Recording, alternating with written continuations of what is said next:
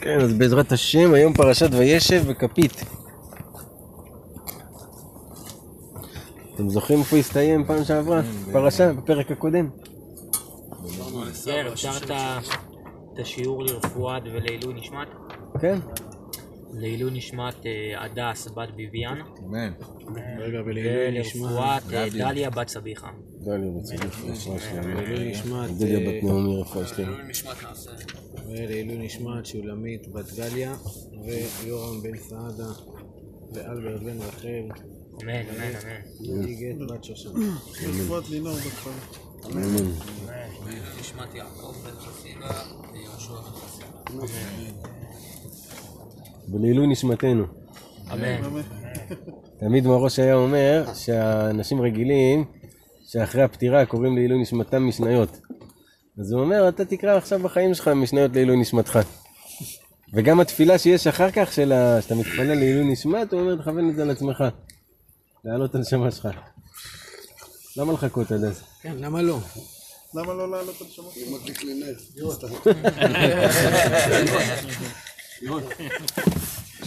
וישב יעקב בארץ מגורי אביו בארץ כנען. נכון, מקודם הוא רץ על, ה... על אלופי עשיו. הוא מנה את כל אלופי עשיו. אז עכשיו הוא יבוא ויתחיל לדבר על התולדות של יעקב. אז וישב יעקב בארץ מגורי אביו, רש"י אומר,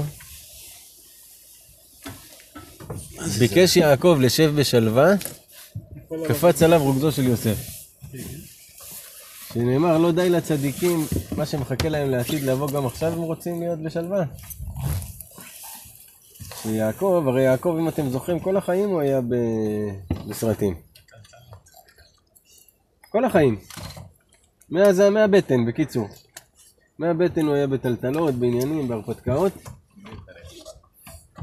חשב שהוא הגיע לכאן, לארץ כנען, איפה שהשם הבטיח לו. חשב הוא יישב פה בשלווה, בכיף. גם הם חשבו לשבת בכבש שלווה. וקפץ עליו רוגזו של יוסף. מה זה רוגזו של יוסף? עכשיו יגידו. אה, הוא אומר את זה בתחילת הפרשה? כן, אה, כן, זה קטע. ביקש לשבת בשלווה. זה, מכאן אנחנו לומדים גם ש...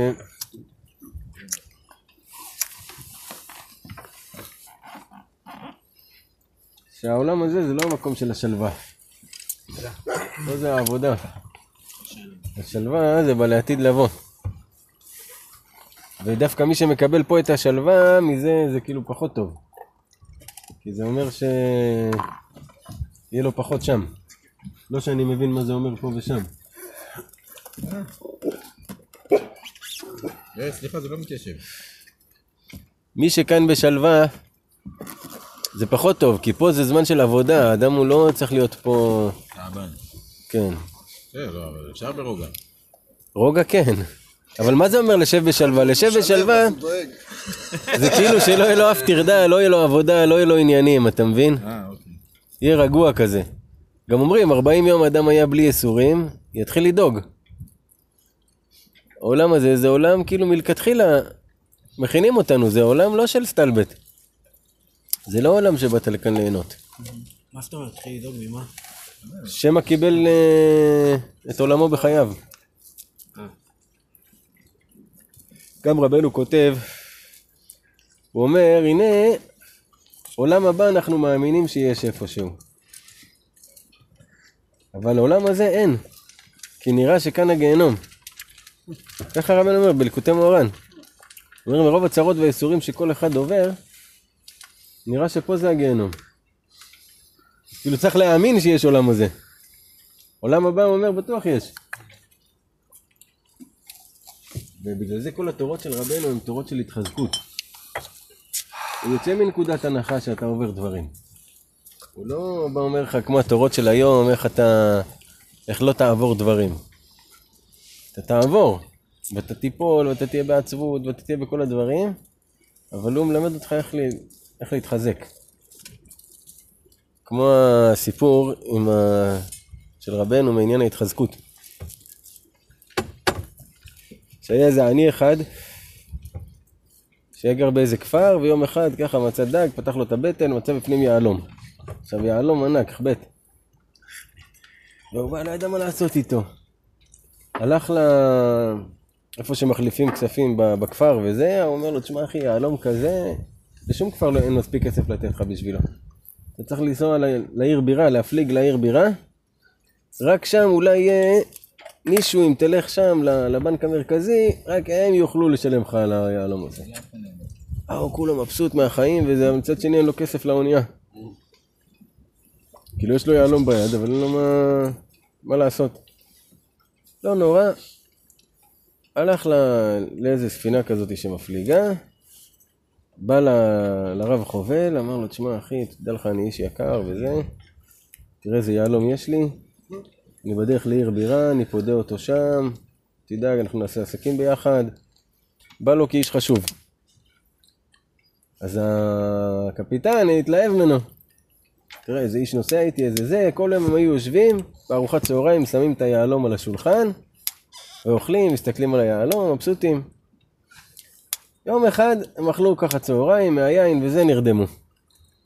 עכשיו זה שבא לנקות את, השולחן, לא ראה מה יש שם, נהיה הכל לים, גם היהלום. אז ה... האיש הזה שהתעורר, פתאום הוא קולט מה קרה פה, שאין לו את היהלום כבר, וזה, מה אני עושה, כאילו. ולא רק זה, גם אם הרב חובל יגלה שאין לי את היהלום בכלל, גם יהרוג אותי. מה הוא עשה? המשיך לשחק אותה שיש לו את היהלום. הקפיטן אמר לו, למה אתה לא שם אותו יותר? הוא אומר לו, לא, תשמע, ראיתי שאנשים פותחים עין וזה, העדפתי להסתיר אותו, שחק אותה באותו קלאס. לא הראה כלום כלפי חוץ. איך שהם מגיעים לנמל, בא אליו הקפיטן, אומר לו, תשמע אחי, אני רואה שאתה איש מכובד וזה, אני, בגלל המכס, אני רוצה לרשום עליך את כל הסחורות שלי, שנרד לנמל תחזיר לי אותם, אבל כי אני משלם פה הרבה מכס, אז אתה, הם יהיו על שמך. וואלה, רשם נתן לו שטר שהכל על שמו, שהם מגיעים ב... תוך כדי לקשור את הספינה, עניינים פה, שם, הקפיטן נפל מת. וה... כל הכסף נשאר אצל, ה... אצל הכפרי הזה. וככה רבנו סיפר, סיפור כזה, ולאיזה עניין הוא סיפר אותו? לעניין ההתחזקות. שכשהיהלום הלך לו, הוא לא נפל בדעתו ולא התבאס, שיחק אותה הכל כאילו הכל כרגיל, ובסוף התעשר. ורבנו סיים שם ואמר, "ה- כל הכסף היה שייך לו, והיהלום לא היה שייך לו. הראיה שהיהלום בים, ולא אצלו. אז זה העולם הזה. כל התורות של רבנו מדברות על העניין הזה. להתחזק כנגד ה... אויבי הנפש, הם נקראים. אתם מכירים את אויבי הנפש? אה? אויבי הנפש זה אלה שבאים לדכא אותך. אתה מבין? אלה שבאים עליך בנפש. עכשיו קורה משהו בחיצוני, בסדר, משהו קורה בחיצוני, אבל יש בפנים אויבים שרוצים להכניע לך את הנפש. שרוצים לשבור את הרוח שלך. אתה מבין? אה? צרים, הצרים, בדיוק, המצרים האלו. צרים הם כאילו מסתובבים. וזה פה, פה אנחנו רואים בפרשה שלנו את ה... את ה... תחילת ההתגלגלות, איך עם ישראל התגלגל למצרים. איך תחילת ההתגלגלות שעם ישראל התגלגל למצרים? קודם כל, לפני הכל. השם הקדים תרופה למכה והוריד לשם את יוסף. עשה את כל העלילות עם יוסף, הכנה לכך שעם ישראל ירדו בעוד כמה שנים.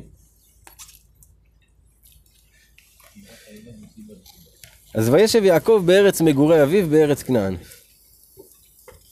אלה תולדות יעקב. נכון, מקודם הוא מנה לנו את תול- תולדות של אה, עשיו. אז פה, לכאורה, הוא מונה את התולדות של יעקב. אבל זה לא מה שהכתוב עושה. מה הכתוב עושה? אלה תולדות יעקב, יוסף בן 17 שנה היה רואה את אחיו בצאן נער את בני בלהה. מתחיל לדבר על יוסף. אלה תולדות יעקב, הוא מדבר על יוסף. אז רבנו כותב בתורה, בתורה ב' שיעקב ויוסף כחד החשיבה. הם נחשבים אחד, יעקב ויוסף. גם כי הפנים של יוסף היו דומות ל- ליעקב, וגם יש איזה מדרש, אני לא זוכר אותו בעל פה, שהוא מראה איך כל מה שקרה ליעקב קרה גם ליוסף. ממש מונה את זה ואת הנקודות דמיון של מה שקרה להם. עכשיו, עיקר התולדות זה הבן הזה למעשה, שממנו יצא הכל. למה, למה הוא העיקר? כי אם יוסף לא היה קיים, אז לא היה מי שיכלכל את עם ישראל במצרים. ולא היה את כל הסיפור של מצרים. וממילא לא היה אפשר שעם ישראל יתגלגלו להיות עם. זאת אומרת שכשם שיעקב היה חשוב באבות, כדי שעם ישראל ייווצר להיות עם, ככה יוסף חשוב ב- בילדים של אה, יעקב, כי על ידו התגלגל הסיפור שעם ישראל נוצר. אתם איתי? כאילו, הוא עוד רמת אב. ש- הוא עוד רמת אב למרות שהוא לא נקרא אב. כן. הוא נקרא כיעקב, הוא כאילו יעקב, הזרוע של יעקב. אז מה הסיפור? מעשה שהיה כך היה. יוסף בן 17 שנה היה רועה את אחיו בצאן. והוא נער את בני בלהה ואת בני זלפה נשי אביו. הוא היה... יוסף בן 17 שנה היה רועה את אחיו בצאן. רואה את אחיו בצאן.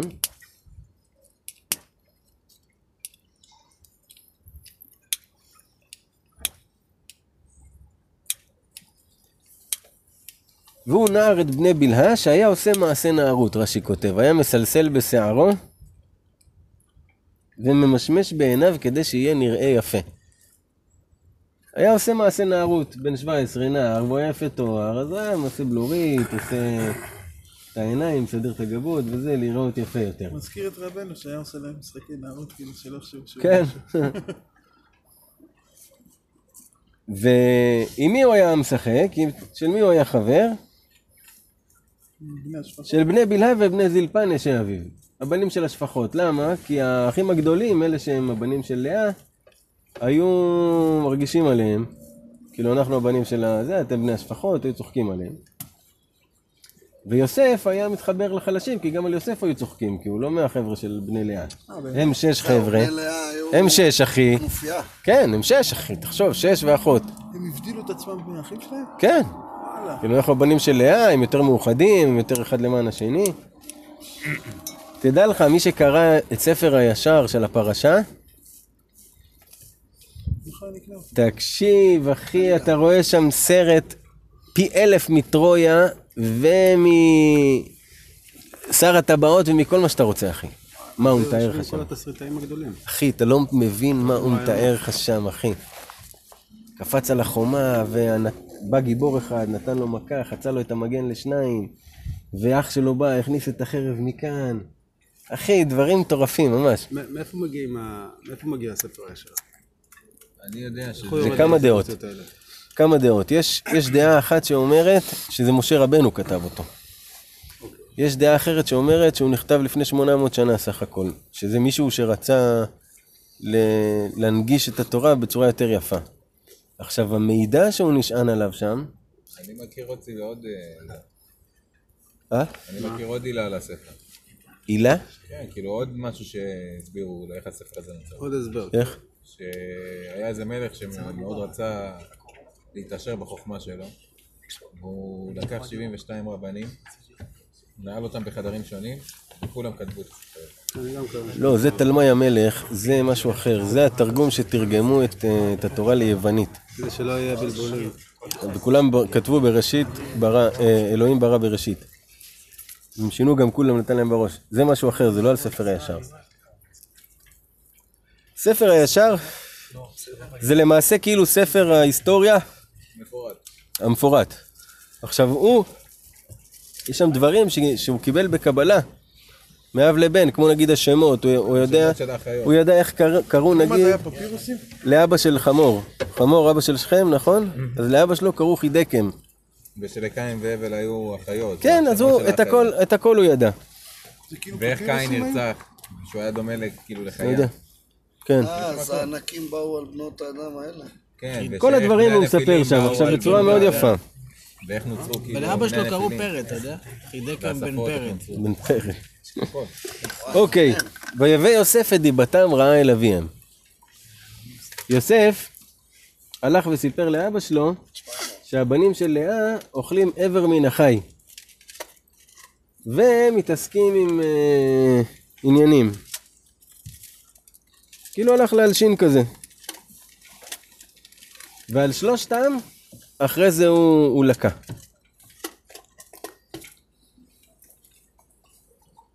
על שניהם, גם על ה... שהוא אמר עבר מן החי וישחטו שעיר עזים, וגם על עסקי האריות שאשת פוטיפר התעסקה איתו. אז כאילו מה שהוא אמר עליהם, בסוף הוא לקה בזה. וישראל אהב את יוסף מכל בניו, כי בן זקונים הוא לו, ועשה לו כתונת פסים. אז התורה כאן אומרת לנו, כתוב שחור על גבי לבן, שיוסף, שיעקב אהב את יוסף יותר מכל אחד. אי אפשר להתעלם מזה. זאת הייתה עובדה. וכאן הוא כותב כי בן זקונים הוא לא. בן זקונים, זקן, זה נוטריקון, זה קנה חוכמה. שיעקב מתייחס אל יוסף כהבן שבא לי בתקופה שהייתי חכם. הרי ידוע שהבן הוא נמשך משכל האב. רבנו כותב שכפי המחשבה וכפי המידות שהאדם אוחז ברגע שהוא הזריע את הילד, משם הילד נמשך. אז זה כאילו הנקודה, מה שהזרעת באותו רגע, זה יהיה מה שבילד הזה. אתה מבין? אז עכשיו כאן, יעקב אומר, כי בן זקונים הוא לא, כי בזמן שהוא היה החכם ביותר, אז הוא הביא אותו. אז הוא מאוד מאוד כנראה אהב את התקופה הזאת, את איך שהוא בעצמו היה בתקופה הזאת, שהוא העריך את יוסף בצורה כזו. הבן של רחל. גם הבן של רחל, אבל גם בנימין היה בן של רחל. ועדיין הוא כתוב את זה על יוסף. כן. כי גם הוא ראה בו את הממשיך שלו, הוא ראה בו את ה... הוא זיהה בו את עצמו, אתה מבין? אפילו הם היו לומדים תורה יחד. כתוב ש... שבזמן שיוסף עכשיו הלך לאחים שלו, אז הם למדו פרשת עגלה ערופה. וכשיוסף שלח את האחים לקרוא לאבא שלו, הוא רימז לו בדברים את הפרשת עגלה ערופה, שזה מה שהם למדו כשהוא עזב. אבל זה כשנגיע. גם הוא היה עם, אה, כאילו, בנה של רחל, שעם רחל הוא היה, הוא הכי אהב אותה. כן. שמעתי שגם המחשבה שלו על רחל היה בכל הכי טוב שיכול. כן, אבל תחשוב שגם בנימין היה עם רחל, ועדיין כתוב שהוא אהב את כן, אבל יוסף. תחשוב, זה הראשון, שהוא בא לו מרחל. כן, כאילו הכי שמחה. הכי... כן. גם חיכה לאחר. ויראו אחיו, כי אותו אהב אביהם מכל אחיו. וישנאו אותו ולא יכלו דברו לשלום. אה, רגע, דילגנו מקודם שיעקב עשה לו כתונת פסים. עכשיו, על זה חז"ל אומרים, לעולם אל ישנה אדם בנו בין הבנים. שאף פעם אל, אל תאהב בן אחד יותר משאר הילדים. למה? בגלל הסיפור הזה. שזה יוצר מין קנאה כזאתי לא. אצל הילדים. אל תיצור שוני. אל תיצור כן, אל תיצור שוני, בדיוק. כאילו, אל תיתן שיהיה פה איזה סיבה לחיכוכים ולקנאה ודברים כאלו. אז עכשיו, ויראו אחיו כי אותו אהב אביהם מכל אחיו. האחים רואים שהוא אוהב אותו הכי הרבה, וישנאו אותו.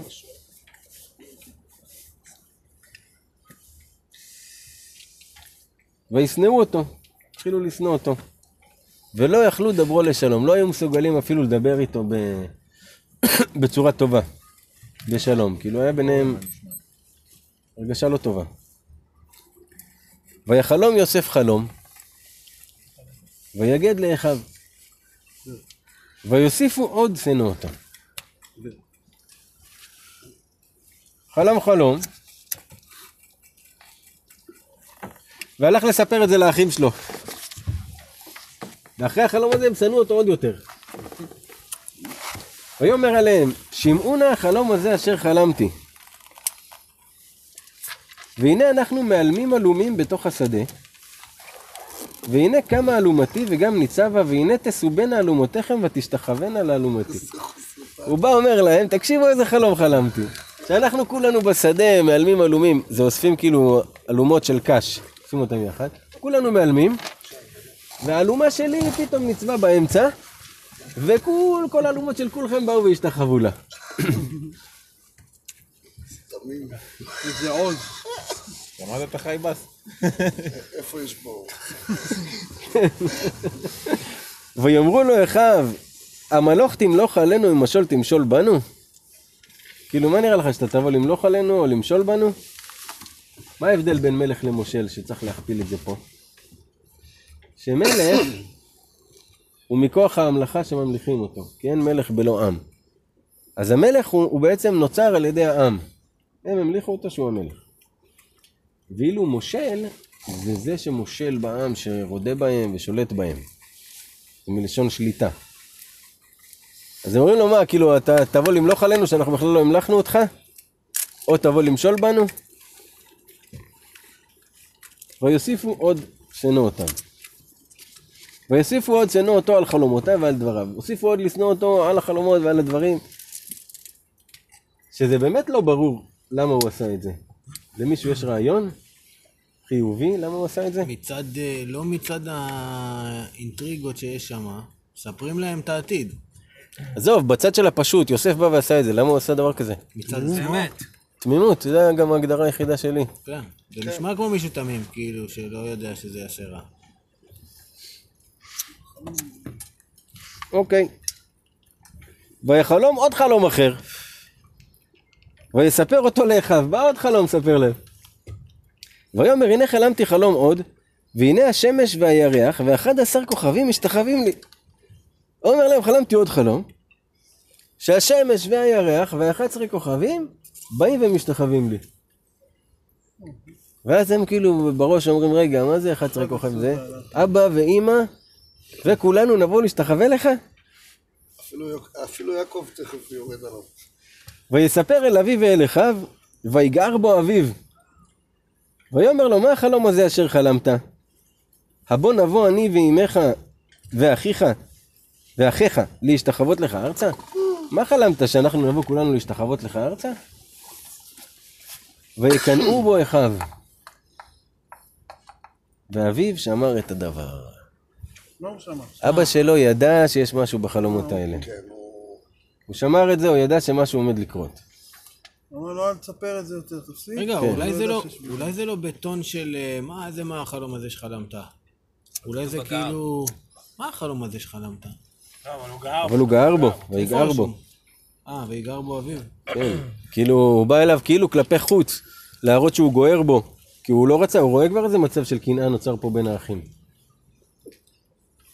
ויקנאו בו אחיו, הבינו שזה כאילו אמיתי. מה יש קנה? לא חשבו שזה איזה שטות. הם קינאו בו כי בגלל שאבא שלו אוהב אותו ודואג לו, ורק הוא עם מקטונת פסים. תחשוב, כולם לבושים רגיל וזה, פתאום הוא מסתובב עם מקטונת פסים, מבסוט את על החיים. חלמתי, חלום. כולו יפה, יש לו זמן לחלום, הם כל היום עם הצאן וזה, והוא חולם חלומות. כן, גם שלומי היה כזה. בוא רגע דרוויש. שלומי גם היה עושה לנו את זה. איפה שהוא היה נכנס גם אני הייתי. וילכו אחיו לראות את צאן אביהם בשכם. האחים היו רועי צאן של אבא שלהם, לקחו את הצאן לשכם. ויאמר ישראל אל יוסף, הלא אחיך רואים בשכ- בשכם, לך ואשלחך עליהם, ויאמר לו הנני. אומר לו, תשמע, האחים שלך רואים בשכם, בוא אני אשלח אותך אליהם. ויאמר הנני. פה רואים משהו יפה. אחד, שגם יעקב היה תם. הרי הוא יודע שהאחים לא אוהבים אותו. איך אתה שולח אותו אליהם לבד?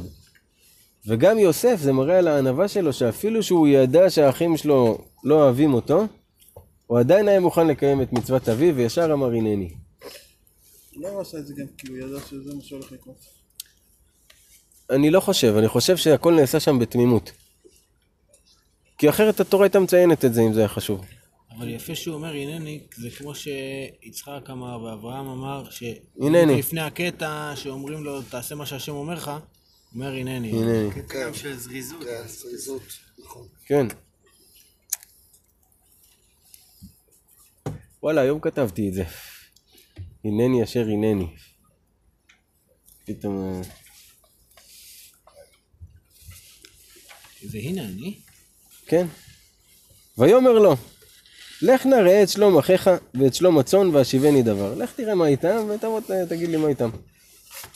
וישלחהו מעמק חברון ויבוא שכמה. הם בחברון הולכים לשכם. עכשיו, מה המרחק בין חברון לשכם?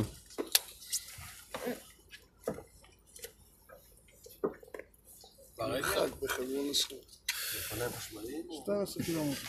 לא, זה נראה לי קצת יותר. הם לא, הם לא קרובות אחת סתם, לשנייה. לא, זה נראה לי יותר גם. כן, הם לא קרובות אחת לשנייה. מנין לך? מנין 30 האנגלית שלך? מה הבעיה? אפשר לגלגל את זה. לא משנה, בכל מקרה זה לא היה, לא היה קרוב. בדיוק. וכאילו שוב פעם עולה פה השאלה של אה, למה לשלוח אותם כזה רחוק? לראות בצאן. ועוד שאלה, הרי בפרשה הקודמת ראינו שהיה להם בלאגן עם שכם, הם הרגו אותם, קרעו אותם וזה וזה וזה, פתאום הם הולכים לראות שם. אולי עכשיו היא יורדת לי תשובה שאולי זה היה הקטע, כי האחים אהבו להסתלבט. אז כאילו הם היו חוזרים לשכם לראות יענו, אתה יודע, את ה- את הצאן לא שלהם. נשאר שם אנשים ו... לא נהיה, הם הרגו את כולם. הרגו-? כולם הרגו את כולם. בספר הישר אתה רואה איך את המלחמה שהייתה להם עם כל המלכים שבאו והתקבצו עליהם ופתאום בא עוד מלך ועשו להם מכאן מהצד והם קראו את כולם. לא השאירו אף אחד. אפילו יש קטע שמסופר שם שלוי ונפתלי אני חושב ביחד נתנו מכה עם החרב וחצו אותו לשניים, את אחד הגיבורים. כאילו שניהם, כל אחד עם חרב הורידו לו ככה, יענו, פרסו אותו. כאילו הם נהנו כזה, אתה יודע. כן, הם היו אחים, היו... כאילו בעד. תשמע, כשאתה קורא את זה, אתה אומר, וואו, אתה רואה אותו כזה בפקפוק. 80 קילומטר. 80 קילומטר? יפה. תחשוב איזה מרחק, אחי, ללכת לראות את הצאן. זה ברגל. אה? כן. טוב, הלך 80 קילומטר, ויבוא שכמה. מרחק אומתה 80 קילומטר. וימצאהו איש, דייגו, וימצאהו איש, והנה טועה בשדה.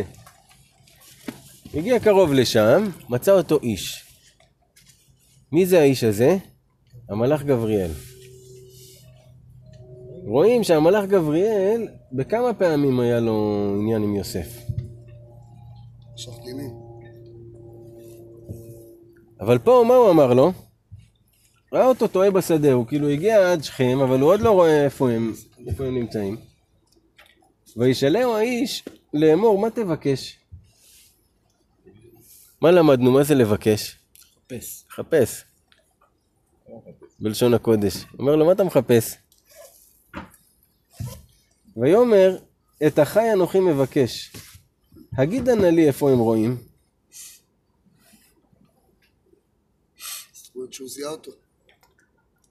לא, הוא ראה אותו, הוא אומר לו, מה אתה מבקש? אומר לו, את החי אנוכי מבקש. אני מחפש את האחים שלי. הגידה נא לי איפה הם רואים, איפה הם נמצאים. ויאמר האיש, נסעו מזה. כי שמעתי אומרים, נלכה דותיינה. אמר, נסעו. הם נסעו מכאן, שמעתי אותם מדברים, נלכה דותיינה. שילכו לדותן. איפה זה דותן? זה בצפון השומרון. יש שם את המעיין של, אה, של יוסף הצדיק. כן, טבלתי פה ברוך השם. איפה זה? מבוא דותן. בצפון השומרון, מאחורי... איך זה נקרא? אריאל? לא, לא, לא, לא. זה קרוב אלינו, אח- אחרי חריש כזה, אתה יודע איך זה נקרא שם. לא? אריאל. לא, לא, נו. חריש, זה אחורי חריש. אלפי מנוש. אומר לך פה, ליד, לידי, ליד פרדס חנה. יאללה, פעם הבאה שנעלה לך. זה, אבל זה כאילו, זה, אתה נכנס לתוך השטחים, זה פשוט הצפון של הקטע של השטחים. בערבה? רגועה. כן, מאחורי כזה, כן. אז הוא אומר לו, הם הולכים לדותן.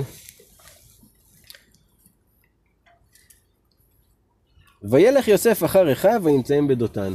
הלך אחריהם לשם, מצא אותם בדותן. מה אנחנו רואים גם כן מכאן? עוד דיוק של שמבקש זה מחפש, כי מה ההפך של מחפש? מוצא. אז מה ההפך של מבקש זה מוצא. הוא רוצה? וההפך של מוצא... לא, מבקש. הוא זה מחפש? ויראו אותו מרחוק. ובטרם יקרב עליהם, ויתנכלו אותו לעמיתו. ראו אותו מתקרב, ישר, מה זה התנכלו אותו? עשו נכלוליות. מה זה נכלוליות? כאילו נוכלות. לעמיתו, להרוג אותו. לא פחות ולא יותר. ויאמרו איש אל אחיו, הנה בעל החלומות על הזה בא. הנה בעל החלומות על הזה, על הזה, הם הוסיפו את הלמד מלשון אה, נלוז. מה זה אומר? כאילו אה. מזולזל אה, ל- לשלילה כזה. זו מילה לא יפה.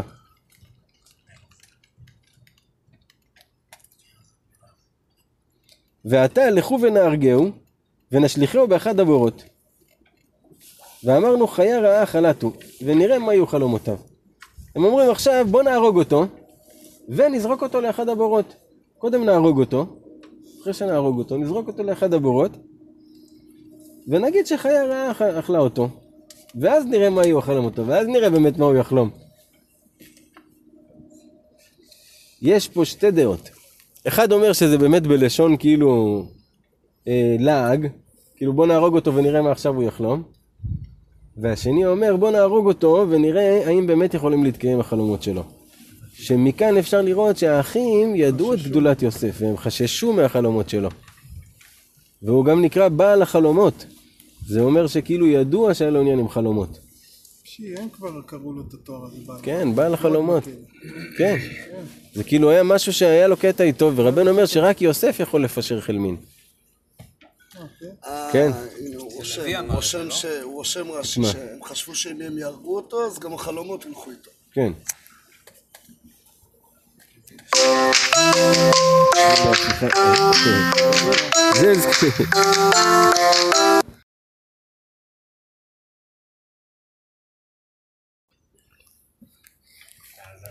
אז הם אומרים לו, רואים מכאן בכל מקרה שהם חששו מהחלומות שלו, שהיה לו עניין עם חלומות.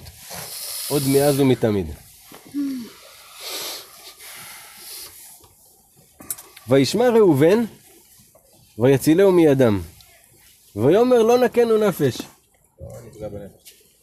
ראובן הוא היה הבכור, אתם זוכרים. הם כיבדו אותו. אף על פי שיוסף לקח את הבכורה ממנו ונתן אותה ליוסף, מי לקח? יעקב, בגלל שראובן בלבל יצואי אביו. אה, אוקיי, נכון. בלבל יצואי אביו. אף על פי כן, האחים כאילו בני לאה, כאילו לא כל כך הכירו בזה. עדיין ראובן הוא הבכור מבחינתנו, אתה הבכור, כאילו, אפילו שזה, אתה... כן. אז, אז הוא, שהוא הבכור והם מכבדים אותו, שמע את זה ולקח אחריות ואמר, "אה, לא נקנו נפש, לא, אנחנו לא נהרוג אותו. ויאמר עליהם ראובן, אל תשפכו דם. אתם אל תהרגו. השליכו אותו אל הבור הזה אשר במדבר, ויד אל תשלחו בו. זרקו אותו בבור, אבל אתם אל תהרגו אותו. למען נציל אותו מידם להשיבו אל אביו. הוא רצה שבלילה לחזור, להוציא אותו מכאן ולהחזיר אותו לאבא שלו. להציל אותו. יש איזה גמרא שאני זוכר, אני אבל לא זוכר איפה היא, שכתוב לא היה כדאי אותו המעשה כדי שייכתב על ראובן הדבר הזה. זאת אומרת, היה שווה לראובן כל החיים שלו וכל המעשים שלו בשביל שיהיה כתוב עליו בתורה שהוא רצה להציל אותו מידם. התורה סיפרה את גדולתו, מה שהיה לו בלב. הרי מי יכל לדעת את זה? היה לו בלב בשביל להציל אותו. וכן, הופכי, אומרים לא היה כדאי הכל כדי שייכתב על שלמה המלך בסוף ימיו מה שנכתב.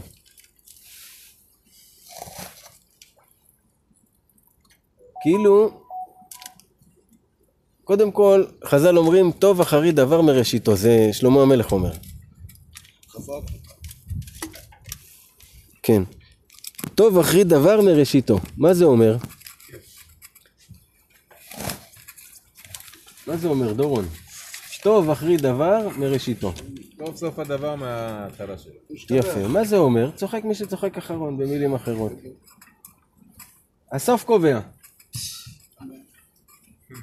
כמו שיש גם כן משפט אחר שאומר, אל יתעלל חוגר כמפתח. מה זה אומר? זה שחוגר את החגורה כדי לצאת לקרב, שלא יתהלל כאילו שהוא עכשיו כמו זה שמפתח, שכבר אחרי הקרב מוריד את החגורה. כאילו, אתה רק יוצא לשם, אתה לא יכול להתהלל באותה רמה. לא, אל יתהלל חוגר כמפתח. כאילו, זה שרק עכשיו יוצא לדרך, אל תתהלל כאילו שכבר עברת את הדרך.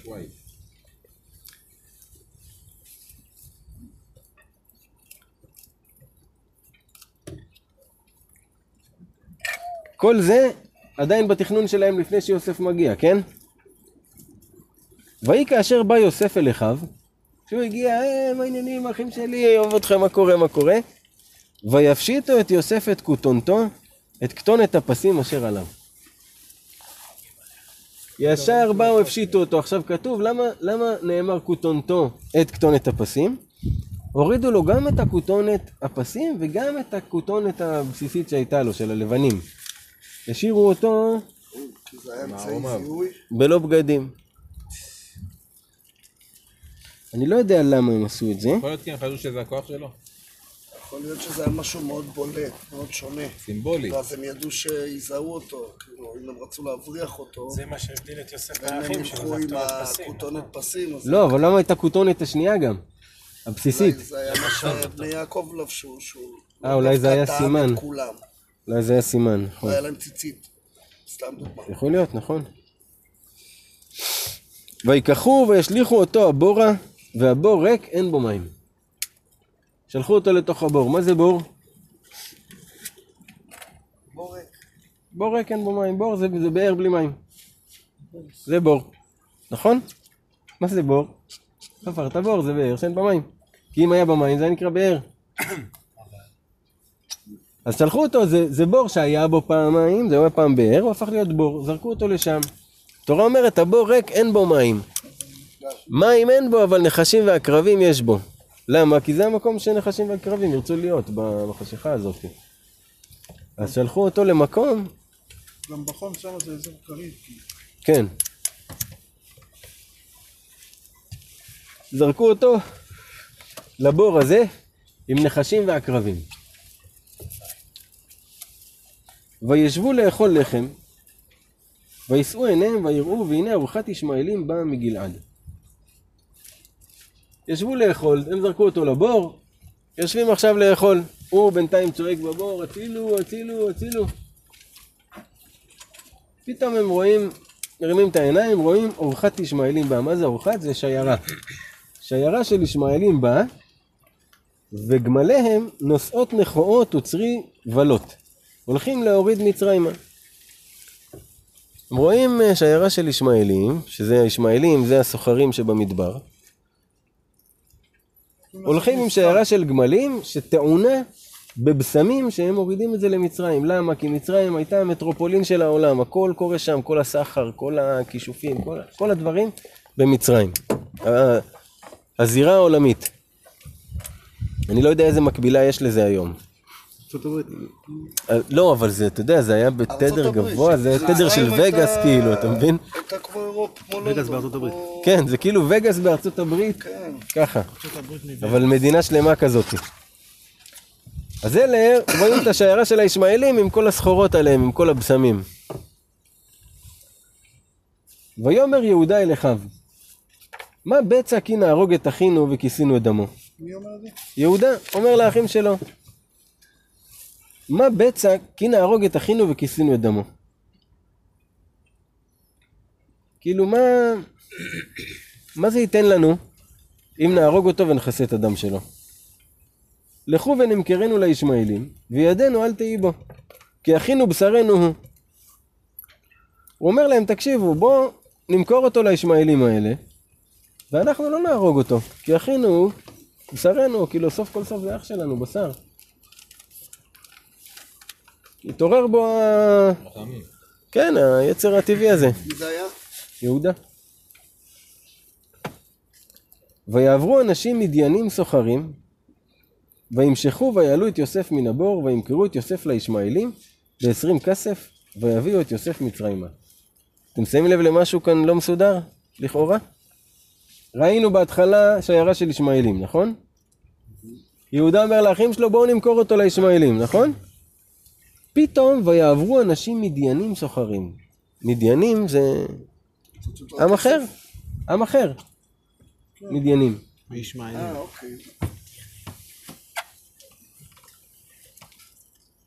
רש"י אומר, זוהי שיירה אחרת, והודיעך כתוב שנמכר פעמים הרבה. כל הקפיצות מישמעאלים למדיינים לישמעאלים, עשו עליו... אה, מכרו אותו פעם. ועוד פעם. מכרו אותו, קודם, כל האחים מכרו אותו לישמעאלים, אז הישמעאלים מכרו אותו למדיינים, אז המדיינים מכרו אותו לישמעאלים שוב, לישמעאלים אחרים. כמו שיש בסרטים, אתה יודע, שלוקחים עבדים בכרכרות האלה, עכשיו הוא היה יפה, תמיד היו משלמים עליו, אז כל אחד היה מראה, אתה יודע, הסוחר היה אומר לו, יש לי משהו טוב בשבילך, הבאתי היום משהו שלא ראית כזה. איזה ברולית. רק רוצה למכור. כן, וככה מכרו אותו, מיד ליד.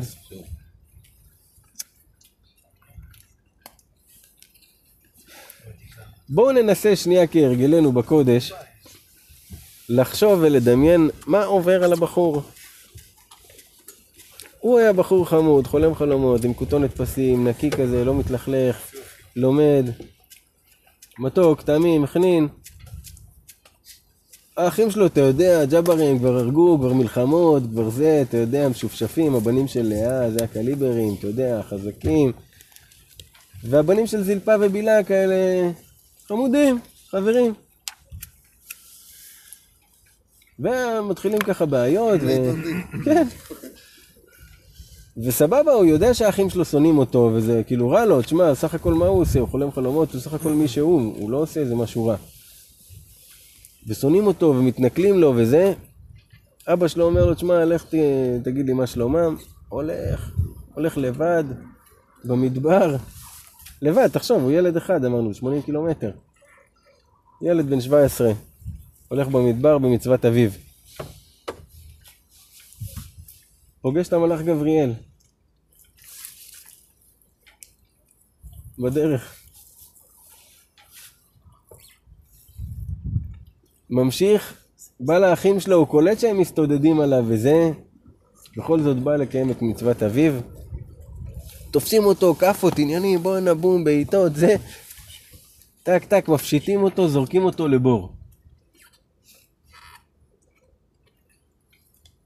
בן אדם בבור, צועק, הצילו, זה, רואה נחשים, עקרבים סביבו, לא יודע מה לעשות. כל שנייה באים. לו מלמעלה כזה, מסתכלים עליו ככה, מדיינים, ישמעאלים. עוד לפני אחי, עוד לפני הוא שומע את האחים שלו, או יהודה תביא את המלח, יהודה, נשאר מהחומוס. אתה מבין? והוא פה צועק הצילו, הם יושבים למעלה, אוכלים לחם. ואז פתאום הוא שומע התמלמלויות והוא מתחיל לראות את הראשים האלה שבהם מסתכלים עליו, כמו שאתה אומר. הבנתי למה הם הורידו לו את הכותונת השנייה. כי יוסף היה יפה כזה, הוא לא Mm-hmm. אמר של עצמו ללכת ערום. אז הם אמרו נוריד לו, הוא בטוח לא יצא מהבור לזה. בקיצור, לוקחים אותו, מעלים אותו משם, הוא שומע שפה שהוא לא מכיר. מרימים אותו, דוחפים אותו לתוך קרון עם כל מיני גדולים כאלה ויצורים שגם כן ביחד הולכים.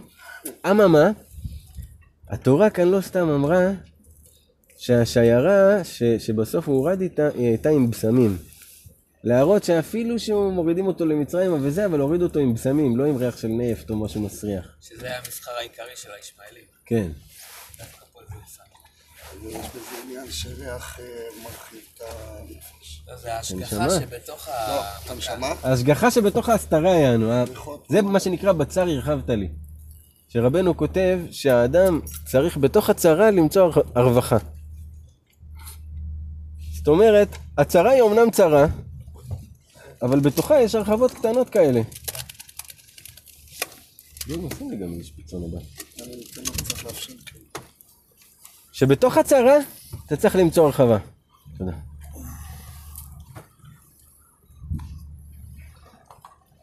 מה זאת אומרת? נניח עכשיו אדם אין לו, אין לו כסף. זאת צרה, נכון? אבל בתוך הצרה הזאת גם יש הרחבה, שהתשלום שהיה לו מחר לשלם, בסוף הבן אדם אמר לו, תשמע, קח עוד שבוע. בסדר, לא נפתרה לו הצרה, אבל הייתה איזו הרחבה קטנה, זה יכול להיות יותר מצומצם, נכון? אז רבנו אומר, בצר הרחבת לי. שאם אתה תיקח את ההרחבה הזאת, הקטנה, אתה יכול לפתוח אותה להרחבה גדולה. אתה יכול לצאת מהמצב שלך, מה... מהצמצום שלך. אתה מבין? דוגמה? איך, איך הוא אומר, איך? הוא הסביר עכשיו. אתה שם לב פשוט, אבל אתן לך דוגמה. נגיד, היה לי פעם, נתקע לי האוטו. אז הייתי צריך ללכת מהמושב לתחנה, זה, זה קילומטר. כאילו בבוקר, אני בא, אין אוטו. ואז אמרתי, טוב, אני אחתור דרך השדות. פתאום אני בשדות, קולט איזה יופי. אז בצר הרחבת לי. זה בכל צרה, בכל צרה שיש, רבנו אומר צריך לחפש את ההרחבות. תן לי דוגמה של צרה, שלא תבוא על אף אחד מהמצרים. תאונת דרכים. האדם עשה תאונה, השם ישמור, זה מציאות. בתוך התאונה הזאתי, הלך האוטו, קפוט, אבל הבן אדם נשאר בריא. אז עכשיו אמנם אין לו אוטו, ואומנם אין לו זה, וקצת קשה, אבל אתה בריא, ברוך השם, אתה, זה יכול להיות הרבה יותר גרוע, זה הרחבה בתוך הצרה. אתה מבין? וגם בתוך זה שאין לו אוטו, פתאום הוא רואה שהביטוח וואלה מגניב, עכשיו אני יכול לקנות אוטו חדש יותר. בתוך הצרה אתה מוצא את ההרחבות הקטנות. והוא אומר שמתוך ההרחבות האלה, שאתה מתחיל להתבונן על ההרחבות הקטנות, מתוך זה נפתח לך הרחבה, מתרחב לך. אז נגיד יוסף, איך התרחב לו לדוגמה? וואלה, זרקו אותו באמת לתוך הזה, מכרו אותו עניינים פה, שם, פתאום הוא מתחיל להריח ריח נעים. רצו להרוג אותו קודם כל. ריח נעים בדרך למצרים, כאילו בסדר, מתחיל פתאום להיות נעים. יש ריח נעים תמיד סביבו. אתה לא יכול להמשיך את זה, זה נעים לך. כן, הריח נעים, כאילו, אתה עובר את הדרך בנעימים. וזו ההמתקה.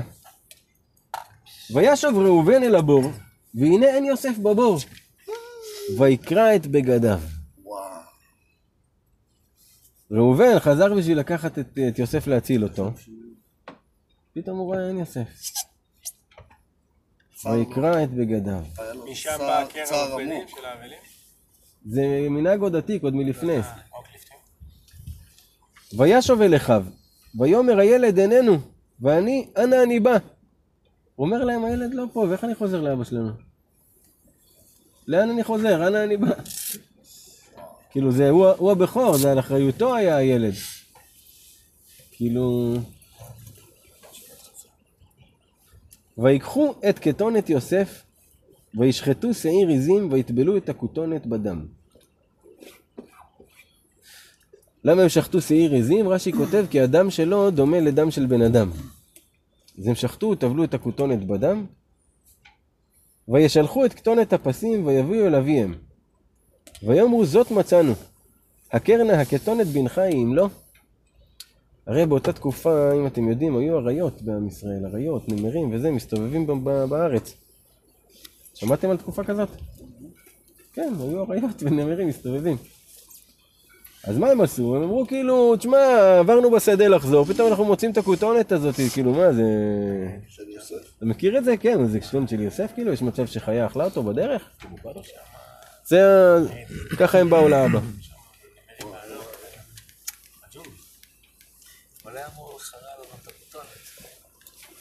ויקיריה. ויקירה. ויאמר כתונת בני, חיה רעה אכלת הוא טרוף טורף יוסף. הוא אמר את זה. יעקב. הוא הכיר את הכותונת, מביאים לו את הכותונת של הילד מלאה בדם. אומרים לו, תגיד, זה של... אה, אתה מזהה? אומר לו, כן, זה הכותונת של יוסף, בני. חיה רעה, אכלתו. כאילו, תחשוב את ההרגשה שהייתה לו באותו רגע. שמביאים לו כאילו את הבן שהוא הכי אהב, את ההבטחה שלו. והוא אומר, כן, כאילו, מה, החיה אכלה אותו?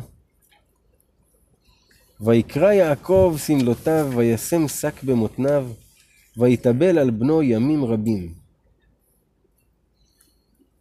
ימים רבים, רש"י כותב 22 שנה. יעקב היה בטוח שיוסף חי. למה? אתם יודעים למה הוא היה בטוח שיוסף חי? כי חזקה על המת שמשתכח מן הלב לאחר 12 חודשים. ואם הוא לא נשתכח, סימן ש... כן. זה אפילו היו מקרים של עגונות שהיו מתייחסים לזה. אתה יודע שאישה בע- בעלה נסע ו... לא חזר. אז אם כאילו אחרי 12 חודשים רווח לה, אז היו מתירים אותה? לא בדיוק מתירים, אבל היו מתייחסים לזה כ- כעוד פרמטר בשיקול. גם דיני אבלות נגמרים אחרי שנה. כן.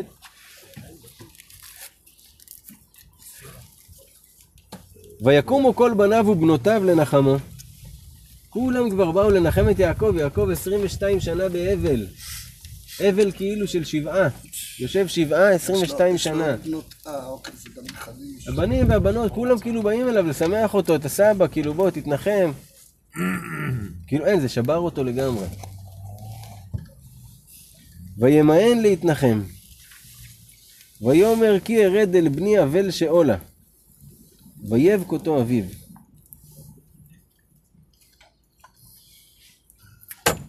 הוא כאילו היה, היה אומר כאילו ש... שהוא היה רוצה ללכת, גם כן.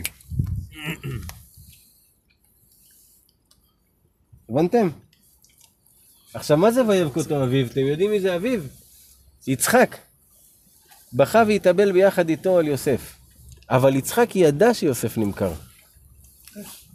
הוא היה שם משהו מאוד מעניין. האחים שהיו שם היו תשעה. ולא היה להם עשרה. כדי להשביע שאף אחד לא יספר מה שקרה פה. הם עשו שבועה. אז מה הם עשו? הם צירפו איתם את הקדוש ברוך הוא. בתוך העשרה, וכולם נשבעו שהם לא מספרים מה שקרה פה. וכביכול הקדוש ברוך הוא נשבע שהוא לא מספר את זה, אז הוא לא יכל לספר ליעקב שיוסף חי. וגם יצחק, ברוח קודשו, ידע מהשבועה הזאתי, אבל לא יכל לבוא ולספר ליעקב. יצחק אבל כבר לא היה. לא, יצחק היה, היה עדיין חי. יצחק עדיין חי. לפני שהוא משלח את יעקב, הוא לא זקן ותכף... כן, אבל אמרנו. למה הוא, היה, למה הוא דאג, כי אמרנו חמש שנים לפני האבא וחמש שנים, סליחה, חמש שנים לפני הגיל של האימא, וחמש שנים אחרי, וגם אצל האבא, ידאג האדם. אז מהרגע שהוא הגיע לחמש שנים האלו, הוא התחיל לדעת, לא יודע מתי, הבנתי, אבל פה הוא עדיין חי. הוא עדיין חי. והוא ידע מהמכירה, וזה חוקי כאילו הקטע הזה? כאילו בקטע שאתה מצרף את השם לשבועה אז- אני לא יודע, לא מומלץ לעשות בבית. היה להם יכולת אולי. היה להם את היכולת. רק עם השגחת מה זה בראשית? כן. להזכירכם גם לכל מה שקורה כאן זה לפני מתן תורה, לפני שהחוקים ניתנו בצורה ברורה. אז הם השביעו, וגם יצחק ידע, וכולם בוכים, וכולם מתבאסים, כי יעקב כאילו גמור. אבל איך, הם יודעים מה קרה לו. ראובן לא יודע. לא, הם סיפרו לראובן, אה, הם סיפרו לו? כן. אבל בנימין לא היה, בנימין יוסף יורד מהסיפור, נשארו תשע.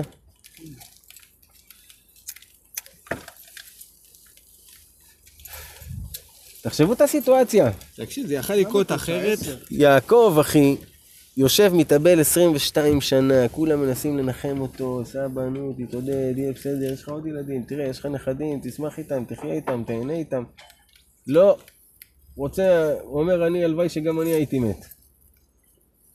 במצב כאילו, קטטוני. רגע, מי עוד לא היה? כולם היו.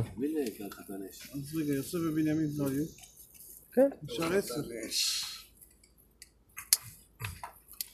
לא. כי הם 11 עכשיו. למה, בנימין עוד לא נולד?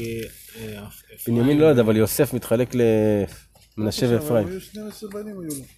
11 אבל היה בנים. שבט יוסף. לא היה שבט יוסף, אבל היו לו 12 היה ש- בנים. שתי שבטים. לא, יש 12 שבטים, אבל יש 12 11 בנים, בנים. ליוסף היו 12 בנים. לא, ליוסף לא היה 12 יוסף. בנים. ליוסף היו שתי שש בנים. לאה, ליעקב. שש לאה, שתיים, שתיים, שתיים, זה 12. היה לו 12 ילדים. לא יודע. עוד מישהו לא היה. אוקיי. והמדנים מכרו אותו אל מצרים לפוטיפר סריס פרעה שר הטבחים. סוגר לך את הסיפור, אומר לך והמדנים, המדיינים, עוד פעם, קודם לקחו אותו ישמעאלים בסוף. העבירו עוד... כן, העבירו עוד הפעם. יד. מכרו אותו אל מצרים לפוטיפר סריס פרעה שר הטבחים. יש אומרים שר הטבחים שהוא היה אחראי על המטבח, יש אומרים שר הטבחים שהוא היה המוציא להורג. הביאו אותו אליו. את יוסף. כאילו אומרים לך איך הוא הגיע, איך בסוף, בסופו של דבר הוא התגלגל למצרים, האחרונים שהביאו אותו זה המדיינים, לפוטיפר סריס פרעה. ויהי בעת ההיא, רגע, מעניין שזה פרשה פתוחה. נכון, כי זה מראה לך את ההקשר. תכף תראה מה ההקשר. ויהי בעת ההיא, וירד יהודה מאת אחיו. כאן רש"י כותב, וירד יהודה מאת אחיו, שבגלל סיפור המכירה, האחים שלו הורידו אותו מגדולתו, וכאילו הוא כבר לא חשוב, כאילו הוא סוג של אה, הוציאו אותו מהמשפחה. כי הרעיון של אה, למכור את יוסף היה שלו. אומרים לו כאילו תראה בגללך מה קרה לאבא, אז הורידו אותו מגדולתו. ויית עד איש עדולמי ושמו חירה. הגיע לאיזה איש עדולמי, השם שלו חירה. וירא שם יהודה בת איש כנעני ושמו שועה. ויקחיה ויבוא אליה. ראה שם בת של איש כנעני. עכשיו, אה, אתם זוכרים שיצחק לא רצה שיקחו מבנות כנען. אף על פי כן לא מסופר לנו כל כך על הנשים של השבטים, מאיפה הם לקחו את הנשים שלהם. כנעניות. זה זה רשום קצת לפני. שכולם לקחו את, הנשים מכנעניות, אני לא יודע. כשהוא רשם שבאו אליו בני- בניו ובנותיו, אז הוא רשם על בנותיו, כל בנותיו, רבי יהודה אמר, החיות תאומות נולדו עם כל שבט ושבט, ונשאו. ונשאו. רבי נחמיה אמר, כנעניות היו. Mm. אלא מהו כל בנותיו? כלותיו. זה שתי דעות, אחד שנולדו תאומות, שגם נולדו בנות עם כולם והם התחתנו ביניהם, ודעה אחרת אומרת שהם היו כנעניות. אני חושב שהם התחתנו ביניהם, כי אחרת התורה לא הייתה רואה לנכון לציין שפה יהודה הלך עם מישהי כנענית. מתוך שהיא ציינה, אתה מבין שאם היא לא ציינה שם, זה לא היה ככה. וטהר, ותלד בן, ויקרא את שמו ער. ילדה בן וקראו לו ער. איזה מבט היה לו לפרצוף לדעתכם? תכף נראה את הפרצוף של אח שלו. איזה ילד ברור. הפרצוף של אח שלו זה כזה... איזה ילד ברור, אתה כל כך ער. ותהר עוד. ותלד בן ותקרא את שמו אונן. ויקח יהודה איש אישה לער בכורו ושמה תמר.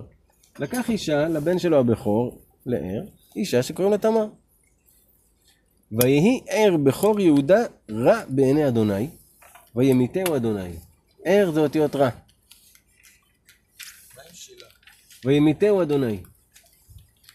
ויאמר יהודה לאונן, בוא אל אשת אחיך ויבם אותה והקם זרע לאחיך. באותם זמנים, למעשה זה, זה חוק שהוא, שוב, חוק אוניברסלי. שאם אישה התחתנה עם, אה, עם מישהו,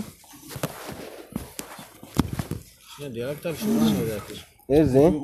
אה, שילה. ותוסף עוד ותלד. אה, נכון, ותוסף עוד ותלד בן ותקרא את שמו שלה, והיה בכזיב ולידה אותו. מה זה בכתיב? רש"י אומר אחד, שזה שם המקום, ועוד דעה שהוא אומר שבגלל שהיא הפסיקה מללדת היא הייתה כזיב, כאילו זהו, זה ה... תייבש לה. התייבש לה, כמו נחל כזיב. אז ויהי ער בכור יהודה רע בעיני אדוני וימיתהו אדוני.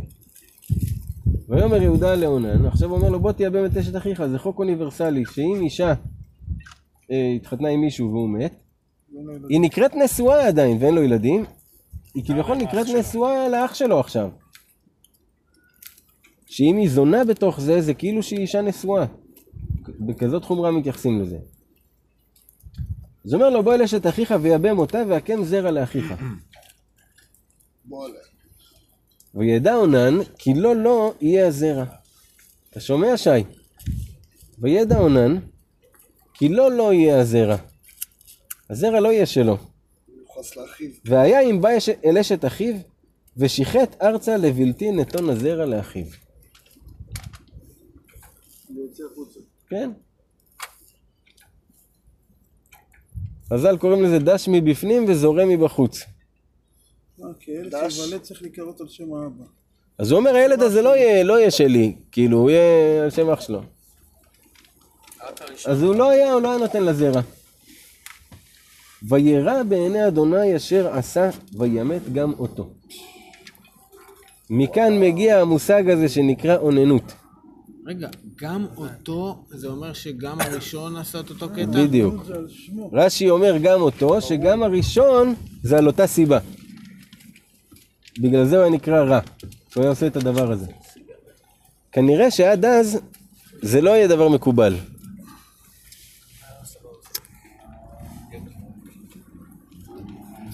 ושזה... שהם כאילו התחילו עם העניין הזה,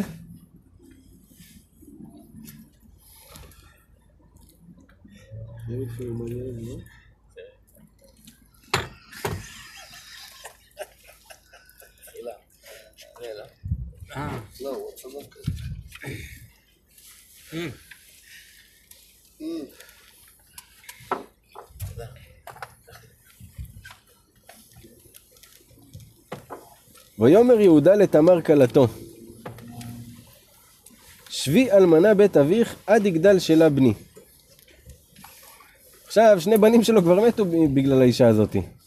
אז הוא אומר לה, תשבי אלמנה בינתיים,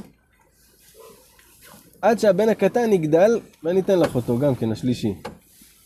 כי אמר פן ימות גם הוא כאחיו. הוא רצה רק להסתיר את הבן שלו, כן, שלא גם הוא יתחתן איתה וימות. כי ב- בתורה יש מושג כזה שנקרא אישה קטלנית.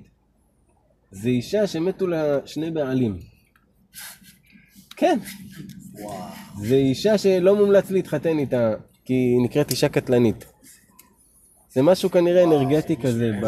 נכון, זה קללה או משהו. לא יודע, לא יודע מה זה. ותלך תמר ותשב בית אביה. יאיר. ותלך תמר ותשב בית אביה. הלכה לשבת בבית אבא שלה, היא עכשיו יושבת כאלמנה. מחכה שהילד הקטן יגדל, יתחתן איתה. לא יודע, היא בת 18, אני יודע, הוא בן 7. קטע, כאילו, אתה מבין? עונן, כאילו, מת, אז לו טוב. אז הוא אומר לה, רגע, רגע, קטן. שנייה. וירבו הימים, ותמות בת שועה אשת יהודה. ירבו הימים, עברו השנים, ואשתו של יהודה מתה. וינחם יהודה. כאילו כל החבר'ה אמרו לו, תשמע, נו, עד מתי תהיה זה, בוא, תתחיל לצאת, תתחיל להכיר. כן, בוא תראה, אני אקח אותך, אני מכיר מקום. וינחם, דייגו. וינחם, יענו הסכים, טוב, יאללה. זורם איתכם, יאללה, נו, הולך עם החבר'ה, כאילו, יאללה, קחו אותי. ויעל על גוזזי צונו, הוא וחירה רעהו. עלו עם ה- עם הצאן לגזוז אותם, הם כבר תכננו, כאילו, הולכים לגזוז בעיר הבירה, אני מכיר מקום, אני אקח אותך. ויוגד לתמר, הנה חמי חולה תמנתה לגוז צונו. באו אליה החברות, מה זה, חמי חולה לכאן עם הצאן שלו לג- לגזוז. ותסר בגדי אלמנותה מעליה, ותכס בצעיף ותתעלף, ותשב בפתח עיניים אשר על דרך תמנתה. כי ראתה כי גדל שלה, והיא לא ניתנה לו לאישה. היא הסירה את הבגדים של האלמנה, כאילו אלמנות האלה הם בגדים מיוחדים שהם לובשים, שיודעים כאילו לא להתעסק איתם. הלכה, הורידה את הבגדים, הלכה, התקלחה, התייפתה, כסתה כזה עם צעיף כזה, וישבה בפתח עיניים, במקום שרואים אותה, כאילו להראות שהיא מציעה... כן. כי ראתה כי גדל שלה, היא ראתה שהילד גדל והיא לא ניתנה לו. תראו איזה יופי. הילד הזה, איך קראו לו? שלה. שהוא שלה, הוא שייך לה. מהלידה שלו הוא שייך לה. ויראה יהודה ויחשביה לזונה כי כיסתה פניה. ראה אותה, חשב שזה הרי אמרנו עכשיו כאילו בא לכאן כאילו להשתחרר קצת אחרי הזה. רואה אותה ככה, רש"י כותב שיש שתי דעות, כי כיסתה פניה, כי באותו רגע שהוא ראה אותה, היא כאילו כיסתה את הפנים, אז הוא לא זיהה שזה תמר. אבל אז נשאלת השאלה, כאילו אז בתוך המעשה, או היא הייתה בלי זה, אז הוא ראה אותה. אז אתה חייב להגיד שכשהיא הייתה עם הילדים, היא הייתה עם פנים מכוסות. אז הוא לא ידע בכלל איך היא נראית. מהצניעות, כמו הערביות ששמות את הזה על הפנים, על כל הפנים. הוא לא ידע אף פעם איך היא נראית אפילו. ופתאום פעם ראשונה הוא רואה אותה, והיא נראית לו מושכת. ויט אליה אל הדרך, ויאמר, הבה נא אבוא אלייך. הבה נא אבוא אלייך. כי לא ידע כי כלתו היא. הוא לא ידע שזה הכלה שלו. ותאמר, מה תיתן לי כי תבוא אליי?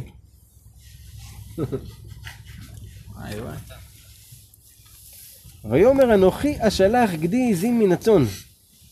אומר לה, אני אשלח לך גדי עזים מן הצאן, הצאן שלי למטה, כאילו, אני אביא לך אחר כך. ותאמר אם תיתן ערבון עד שולחך. היא אומרת לו סבבה אין בעיה אבל תן לי איזה ערבון עד שאתה תשלח. שאני אדע שאתה לא עובד עליי. ויאמר מה הערבון אשר אתן לך? ותאמר חותמך ופתיליך ומטך אשר בידיך. היא אומרת לו החותם שלך, מה זה החותם? לכל אחד היה בטבעת חותם שיודעים שזה ממנו. ופתיליך זה הציצית שלו, ומטך זה המקל שהוא הולך איתו בדרכים. לכל אחד היה מטה שהוא היה הולך איתו. אז אמר לו, תשאיר לי את שלושת אלה, עד שתביא את הגדי עזים אז הכל טוב. ותקום ותלך ותסר צעיפה מעליה ותלבש בגדי אלמנותה. הלכה טיק טק טוק, החזירה את הבגדים של האלמנה, ישבה במקום שלה רגיל.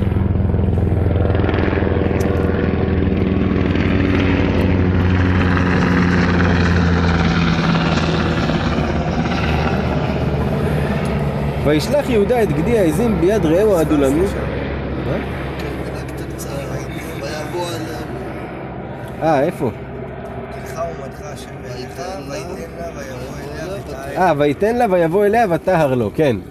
היא נכנסה להיריון מזה, כן, פרט חשוב. אתם צודקים. הוא בא והיא נכנסה להיריון. ותקום ותלך ותסר צעיפה מעליה ותלבש בגדי אלמנותה. הלכה לבשה את הבגדים של האלמנה שוב פעם. וישלח יהודה את גדי העזים ביד רעהו הדולמי לקח את הערבון מיד האישה ולא מצאה. וישאל את אנשי מקומה לאמור, היה הקדשה היא בעיניים על הדרך. ויאמרו לא הייתה בזה קדשה. אומר להם איפה הקדשה שהייתה פה מקודם? אה, לו, לא הייתה פה אף אחת. היא באה כאילו לצ'יק צ'אק כזה, רק אליו, אף אחד לא שם לב. אבל מה אנחנו רואים כאן? איך זונה נקראת? קדשה. כמעט קדושה. זה מלשון קדשה, כי הלשון של, של קדש, של קודש, כאילו קד ש, זה דבר שהוא מיוחד למשהו מסוים, הוא מוקדש למשהו מסוים. הבנת? אז כאילו אישה שהיא היא מוקדשת ל... לספק, לספק, בדיוק, אז היא נקראת קדשה. לא יצא זרע לבטלה. כן, סוג של. אז אומרים לו, לא הייתה פה אף אחת. ויאמר יהודה, תיקח לה פן יהיה לבוז. הנה שלחתי הגדי הזה ואתה לא מצאת? חבר שלו חוזר אליו, אומר לו, תשמע, אומרים לי שלא הייתה פה אף אחת. אומר לו, לך מהר, תמצא לי אותה, למה זה יהיה לי ביזיון מה... תסתובב פה מישהי עם המטה שלי ועם החותם וזה, תתחיל לעשות לי בלאגנים. ויהי כמשלוש חודשים, אחרי שלוש חודשים, ויוגד ליהודה לאמור זנתה תמר כלתך, וגם הנה הרה לזנונים. אומרים לו, תשמע, תמר הכלה שלך בהיריון. ממי בהיריון בדיוק? היא הרה לזנונים, כנראה היא עשתה משהו עם מישהו. ויאמר הוציאוה ותשרף. תהרגו אותה. בלי בכלל להתבלבל כאילו, זה היה העונש על זה. אגב, דוד יצא מכל... מהמם. היא מוצאת, והיא שולחה, והיא שולחה, שלחה אל חמיה לאמור, לאיש אשר אלה לא אנוכי הרע.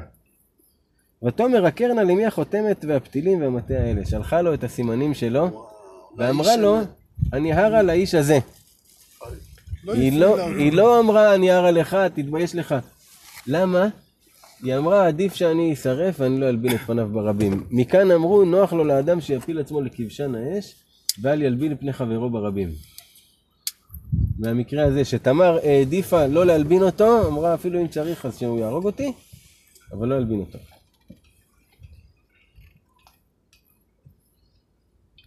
עכשיו תראה, היא אמרה לו, הקרנה. רש"י כותב כאן שהיא אמרה לו, היא כאילו פנתה אל הלב שלו, אל תהרוג שלוש נפשות. בשביל האגו. מי זה השלוש נפשות? היא, הילד שבבטן, ויהודה, של איך הוא יחיה עם, עם מה שהוא עשה, שהוא שרף את הבן שלו. ויכר יהודה, ויאמר צדקה ממני. זה הגדולה של יהודה, בגלל זה הוא נקרא יהודה, שהוא מודה. הוא הודה, הוריד את הראש, צדקה ממני. וואלה. מודה.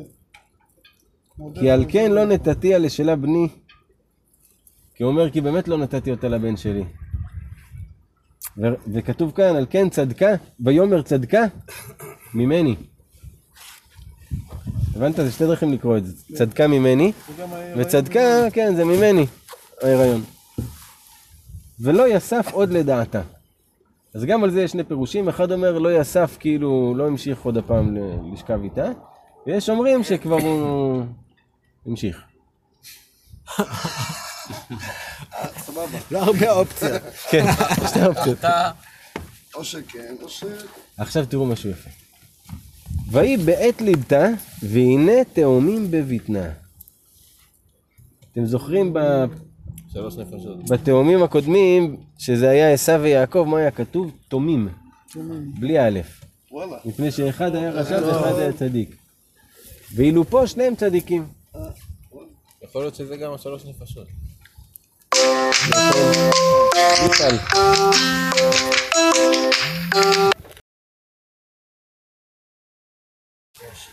יאללה. נמשיכים. אוקיי. ויהי בליטה, ויתן יד, ותיקח המיילדת ותקשור על ידו שני, לאמור זה יצא ראשונה. אחד הילדים הוציא יד, איך שהמיילדת ראתה את היד, קשרה לו שני. שני זה בד אדום. חוט אדום. חוט אדום. אראה לכם המקור לחוט אדום. אבל לא יודע איך זה יתקשר ליהדות. אבל זה השתרבב אצל כל האומות. אה, הוציא יד. ויקם ויקם משיב ידו, והנה יצא אחיו. ותאמר, מה פרצת עליך פרץ? ויקרא שמו פרץ. הראשון הוציא את היד, קשרה לו על זה את החוט האדום. החזיר את היד, השני כבר יצא. התפרץ החוצה. אז היא אמרה לו, "אה, מה התפרצת? על זה קראו לו פרץ. ואחר יצא אחיו אשר על ידו השני, ויקרא שמו זרח. זרח. על שם זריחת מראית השני, שהצמיד שלו זרח. פה פרשה סגורה, פה נסגר הסיפור. הראו לך את ההשתלשלות הישירה של מה קרה עם יהודה, שהוא כל ירד הסיפור הזה מהגדולה. בגלל מה שהוא עשה ליוסף, כן, אבל מה יצא מכאן? המשיח יצא מכאן, דוד המלך יצא מכאן. למה דוד המלך הוא הבן של פרץ. נכון? ותראה איזה השתלשלות יש לדוד המלך לאורך כל הדרך. של ה... גם עם רות המואביה, וכל הסיפורים, ומאיפה הוא הגיע כאן, מאיזה סיפור. כאילו שזה לכאורה סיפור שהוא הזוי, אבל מצד שני יש בו גבורה וגדולה של גם של תמר וגם של יהודה. אז מראים לך את כל ההשתלשלות הזאת.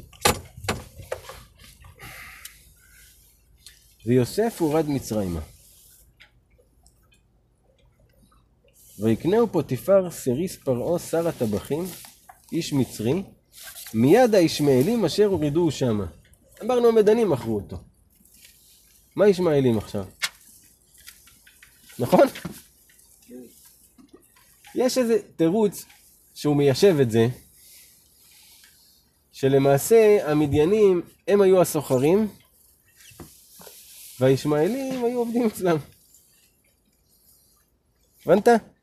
אז המדיינים, כשהוא מדבר על הסוחרים, הוא מדבר על המדיינים, וישמעאלים זה כאילו העבדים, ש... העבדים של המדיינים שבאו. יש לי עוד רעיון. שהיו סוחרים שהיו מעבירים סחורות, ואז הם היו מגיעים למדינה וכאילו מוכרים לסוחרים המקומיים שיפיצו את הסחורה. Mm. אז יכול להיות שהיה עניין כזה, שחלק הובילו אותו, אחרי זה מכרו לשוק, אתה יודע. כן. עבר טלטלות. טלטלות. עינו בקבר רגלו. ויהי אדוני את יוסף, ויהי איש מצליח, ויהי בבית אדוניו המצרי. תראה איזה יופי. נקרא את זה שוב. ויהי אדוני את יוסף, ויהי איש מצליח, ויהי בבית אדוניו המצרי. ויהי אדוני את יוסף, ויהי איש מצליח, ויהי בבית אדוניו המצרי. אגב, זה פסוק שהוא מאוד, מאוד חזק להצלחה. וואו, ויהי אדוני את יוסף. רש"י כותב כאן, מה זה ויהי אדוני את יוסף? שהיה שם שמיים שגור בפיו. כל הזמן הוא היה מדבר על השם. זה ברכה לה- להצלחה. כן. ויהי איש מצליח. מה זה איש מצליח? שהיה הולך וגודל. מה זה לצלוח משהו? עובר... אה, לעבור, אז הוא עובר. ועובר ועובר, מתגבר, מצליח, זה נקרא מצליח. ויהי בבית אדוניו המצרי. זאת אומרת, הוא הצליח, גדל בבית האדון שלו. נהיה הראש שם. זה גם כן מזכיר לנו את הסיפור של יעקב, שבבית לבן מתפתח. וירא אדוניו כי אדוני איתו, וכל אשר הוא עושה, אדוני מצליח בידו. אפילו האדון שלו, פוטיפר, ראה שכל מה שהוא עושה הוא מצליח ושהשם איתו. ובכלל הוא לא יודע מי זה השם בכלל. אבל הוא ראה שיש פה משהו בבחור הזה.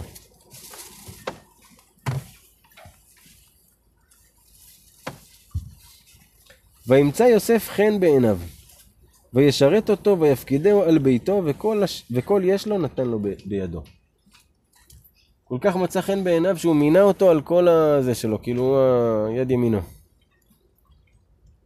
ויהי, מאז הפקיד אותו בביתו, ועל כל אשר יש לו, ויברך אדוני את בית המצרי בגלל יוסף. ויהי ברכת אדוני בכל אשר יש לו בבית ובשדה. יענו בזכותו הגיעה הברכה. עכשיו שימו לב, כתוב פה בגלל. מה משבש השפה העברית מלמד אותנו? שכשאומרים בגלל זה משהו שהוא שלילי, וכשאומרים בזכות זה משהו שהוא חיובי, נכון? טעות. תמחקו. תוציא. בגלל, כשאומרים בגלל, מדובר על הסיבות שגלגלו לדבר הזה. כן, איך זה התגלגל? כן, בהתגלגלות של יוסף. זהו, ובזכות, בגלל. זה ממש בזכות, באותו זכות. בגללך אנחנו מחכימים בתורה. ככה זה מתגלגל.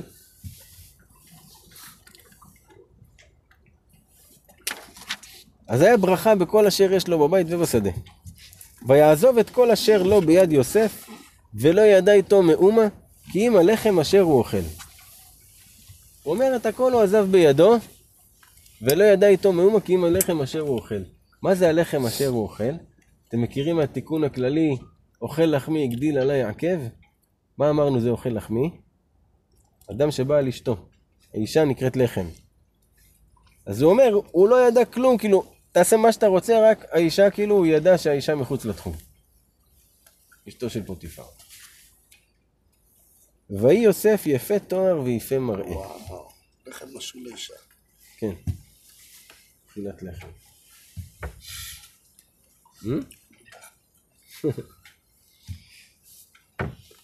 ויהי אחר הדברים האלה, ותישא אשת אדוניו את עיניה אל יוסף, ותאמר שכבה עמי.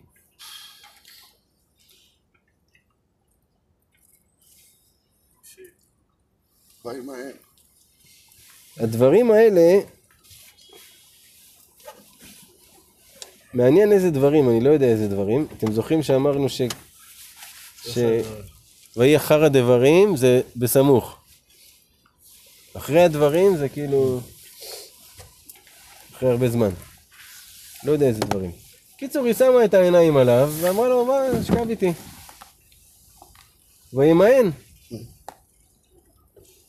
פה יש את הטעם בזיגזג, שיש אותו ממש במקרים בודדים בתורה, שמלמד שהוא רצה ולא רצה. היה לו קשה, היה לו ניסיון שם. היה לו ניסיון שם. כתוב במדרש שכל יום היא הייתה מביאה את החברות שלה, הייתה נותנת להם לקלף תפוחי אדמה עם סכין. ובאמצע שהן מקלפות היא הייתה מכניסה את יוסף. ואז כולם היו חותכות את עצמם בידיים, שהן היו כל כך נתפסות על המראה של יוסף, ותוך כדי שהן מקלפות היו מפספסות מקלפות את היד. כאילו הייתה מאופנטת עליו. כי הוא, תחשוב, הוא הגיע, זה, היה שם אה, כל מיני עמים. העברים, הבנים של בני ישראל, היו מעטים, אתה יודע, כמה הם היו? 70? לא רואה דברים כאלה. אין דברים כאלה, כן, יפים, גדולים, חסונים, כן. והוא עצמו כאילו... ויפה תואר ויפה מראה אומרים לך. אחר הדברים האלה, וימאן. ויאמר אל אשת אדוניו, הן אדוני לא ידע איתי מה בבית, וכל אשר יש לו נתן בידי. איננו גדול בבית הזה ממני, ולא חסך ממני מאומה כי אם אותך באשר את אשתו. הוא אומר לו, האדון שלי נתן לי כאן את הכל, אין יותר גדול ממני פה בבית הזה. הדבר היחיד שהוא אמר לי לא, זה את.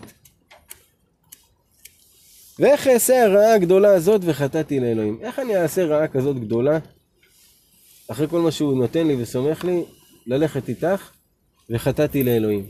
כאילו החטא, הוא אומר לה, החטא הוא לאלוהים. כאילו איך אני אעשה דבר כזה לאלוהים שלי?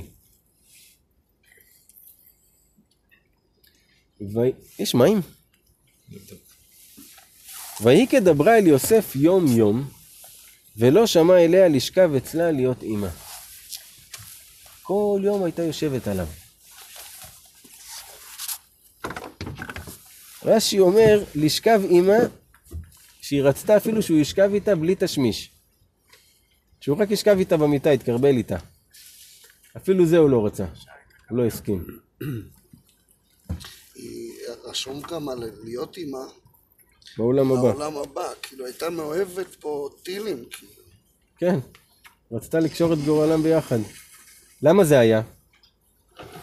כי היא ראתה בהצטגננות שלה, הייתה מכשפה, והיא ראתה בהצטגננות שלה שהיא עתידה להעמיד זרע מיוסף. והיא כל כך רצתה להעמיד את הזרע הזה, אבל היא לא ידעה שהזרע הזה אמור לבוא מהבת שלהם, אסנת בת פוטיפרה, שהיא בסוף התחתנה עם יוסף. ויהי כהיום הזה, תודה.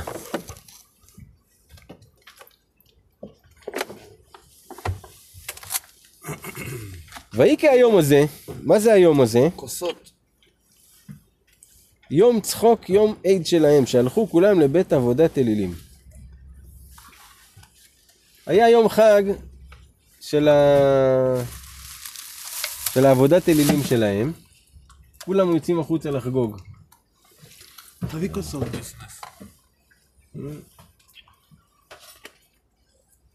היא אמרה, אני חולה. כואב לי הראש, לא מרגישה טוב, אני לא יכולה ללכת איתכם, תלכו בלעדיי. אם אני ארגיש יותר טוב, אני אצטרף.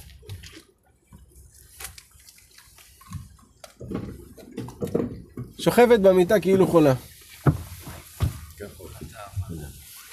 ויבוא הביתה לעשות מלאכתו, ואין איש מאנשי הבית שם בבית. יוסף בא הביתה לעשות מלאכתו. הוא הרי עובד, יש לו עבודה פה, אז הוא בא לבית לעבוד.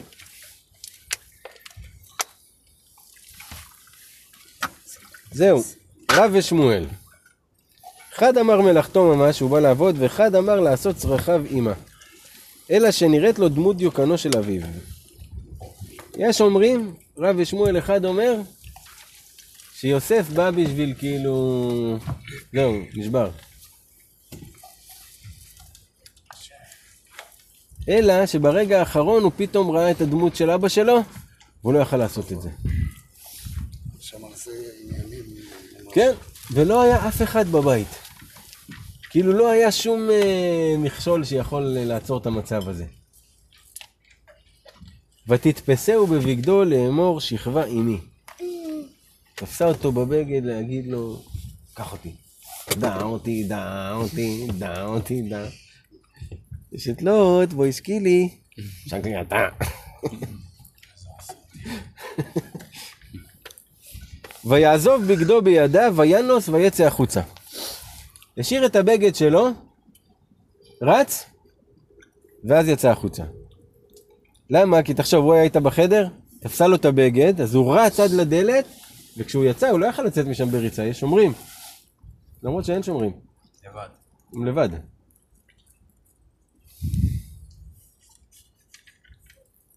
לא, לא כתוב על זה. טוב. ויהי כרא- ויהי כראותה כי עזב בגדו בידיו וינוס החוצה. היא ראתה שהוא השאיר את הבגד וברח החוצה. ותקרא לאנשי ביתה. הנה, כן, אז כנראה כבר הגיעו אנשים. ותאמר להם לאמור, ראו הביא לנו איש עברי לצחק בנו. בא אליי לשכב עמי ויקרא בקול גדול. היא אומרת להם, תראו מה זה. תראו את בעלי הזה, הביא לנו איש עברי לצחק בנו. הוא בא אליי לשכב איתי וצעקתי בקול גדול, לא שמעתם? כאילו יוצאת עליהם, איך לא שמעתם? צעקתי, האיש העברי הזה בא אליי לשכב איתי.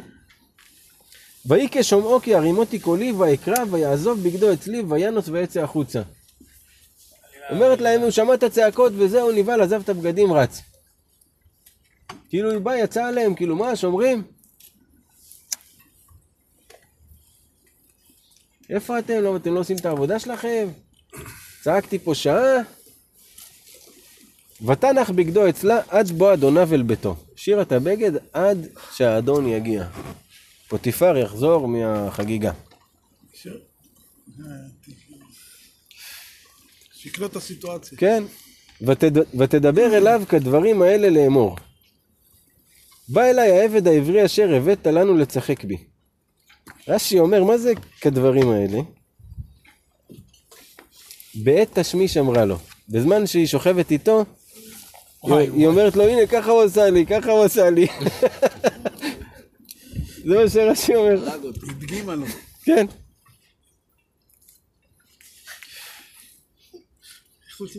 ענייני תשמיש כאלה, תראה מה רש"י כותב, ענייני תשמיש כאלה. כאילו היא אמרה לו ככה, כן. בא, ויהי כהרימי קולי, ויקרא, ויעזוב בגדו אצלי, וינוס החוצה.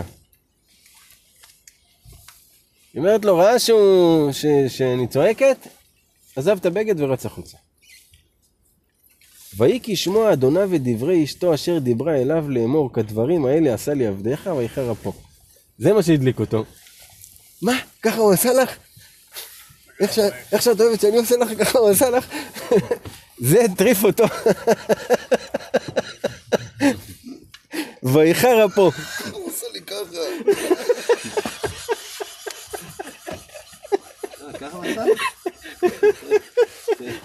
איך הוא יודע מה שאתה...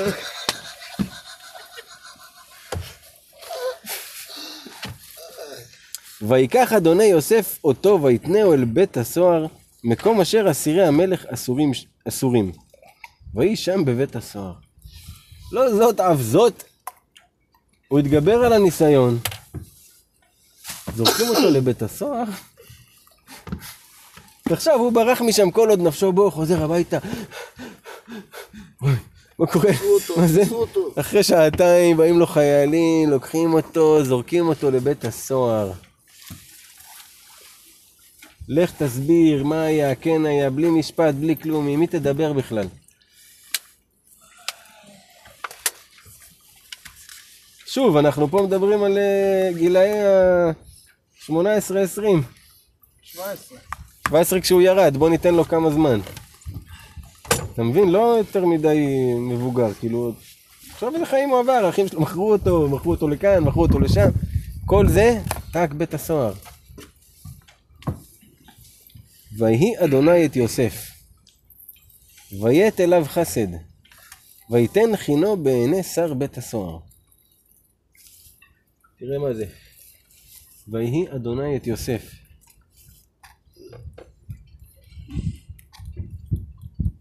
איזה דבר זה, אה? ויהי אדוני את יוסף, כאילו הוא שכן בו ממש. שכן בו. שכן בו. ויית אליו חסד, כאילו כולם, כולם אה, חיבבו אותו. ויתן חינו בעיני שר בית הסוהר. השר הגדול, הוא מצא חן בעיניו. הוא מצא חן בעיניו. ויתן שר בית הסוהר ביד יוסף את כל האסירים אשר בבית הסוהר. ואת כל אשר עושים שם הוא היה עושה. מינה אותו להיות אחראי על כולם. תראה מה זה, זה דברים הוא עובר יוסף. כל מקום שהוא מגיע הוא נהיה ראש לכולם. איך אמרת עוד פעם, נפתח לו בתוך ה... בצר ירחיב לו. הוא מלך. הנה, לא הוא בכלא. אבל לפחות הוא השר של הכלא. אתה מבין? עכשיו,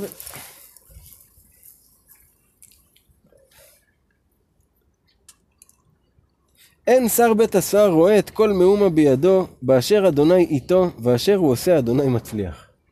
אפילו השר בית הסוהר אפילו לא בודק אחריו, הוא יודע כל מה שהוא עושה, אדוני מצליח. שים לב שפתאום במצרים התחילו ל- ל- להגיד מה, אדוני, הוויה. להעריך את אלוהי כן, ישראל. פתאום רואים את יוסף. יכול להיות שזה כמו שגל, כאילו, בהשקפה של גל, שמנסים כל הזמן לצמצם את האור של היהודים. אז יכול להיות שפה הם כבר ראו שבואנה, האנשים האלה חזקים, אז אחרי זה כשהם יכלו לצמצם אותם, היה להם איזה עניין רוחני שם. כן, כן. ויהי אחר הדברים האלה. ידה ידה ידה. חטאו משקה מלך מצרים והאופה לאדוניהם למלך מצרים. שר המשקים ושר האופים חטאו. זה נמצא זבוב בפיאלי פוטירין שלו וזה נמצא צרור בגלוסקין שלו. שר המשקים בטעות נמצא זבוב בכוס של המלך. אז זרקו אותו לכלא. ושר האופים בחלה שהוא הכין ללחם, בלחם שהוא הכין למלך, מצאו שם שמן. צרור זה שמן.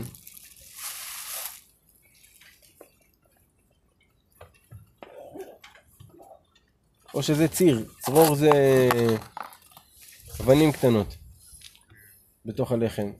השליכו אותו לכלא, מה זה בלחם של המלך ככה? ויקצוף פרעה על שני סריסיו, על שר המשקים ועל שר האופים. ויתן אותם במשמר בית שר הטבחים אל בית הסוהר, מקום אשר יוסף אסור שם. טיק טק טיק טק התגלגלו בכלא למקום שיוסף נמצא שם. ויפקוד שר הטבחים את יוסף איתם, וישרת אותם ויהיו ימים במשמר. לפני כן הוא היה אצל שר הטבחים. כן, אבל זה שר הטבחים, זה האופה, ש- האחראי על המטבח בכלא. לא אמרנו שהביאו את יוסף לשר הטבחים לפני כן? זה היה אחראי על המטבח של המלך. שר הטבחים זה מי שאחראי על המטבח. אז יש שר הטבחים של המלך, שהוא אחראי על המטבח של המלך, ויש שר הטבחים בכלא, שהוא אחראי על המטבח של הכלא. אה, אוקיי. השר מטבח.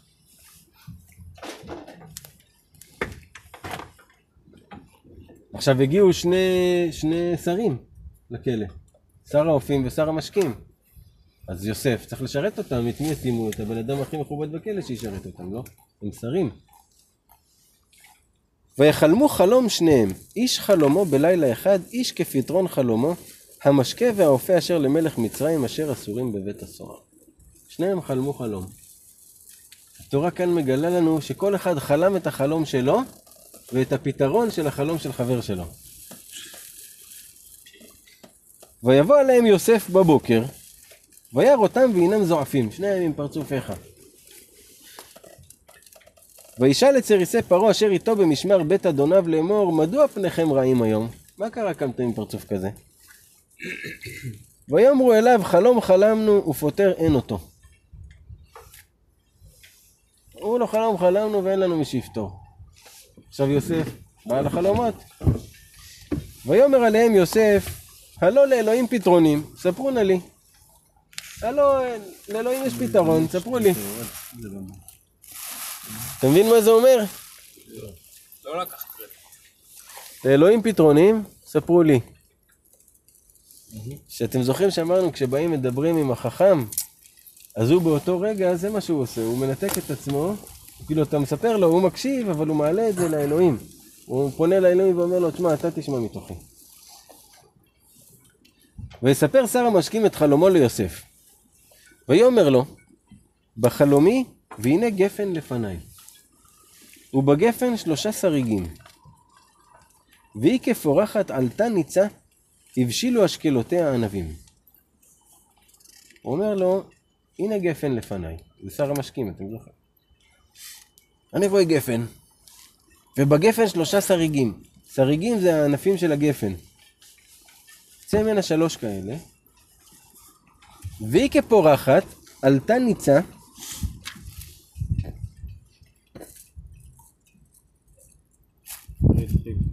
כן, ונעשו סמדר, ואז היא הבשילה, ונהיו אשכולות.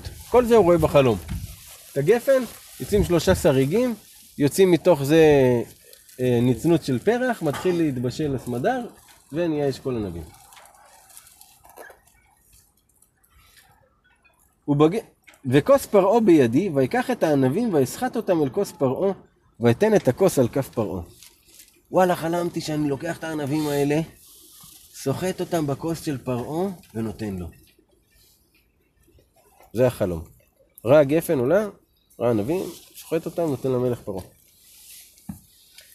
ויאמר לו יוסף, זה פתרונו. שלושת השריגים, שלושת ימים הם.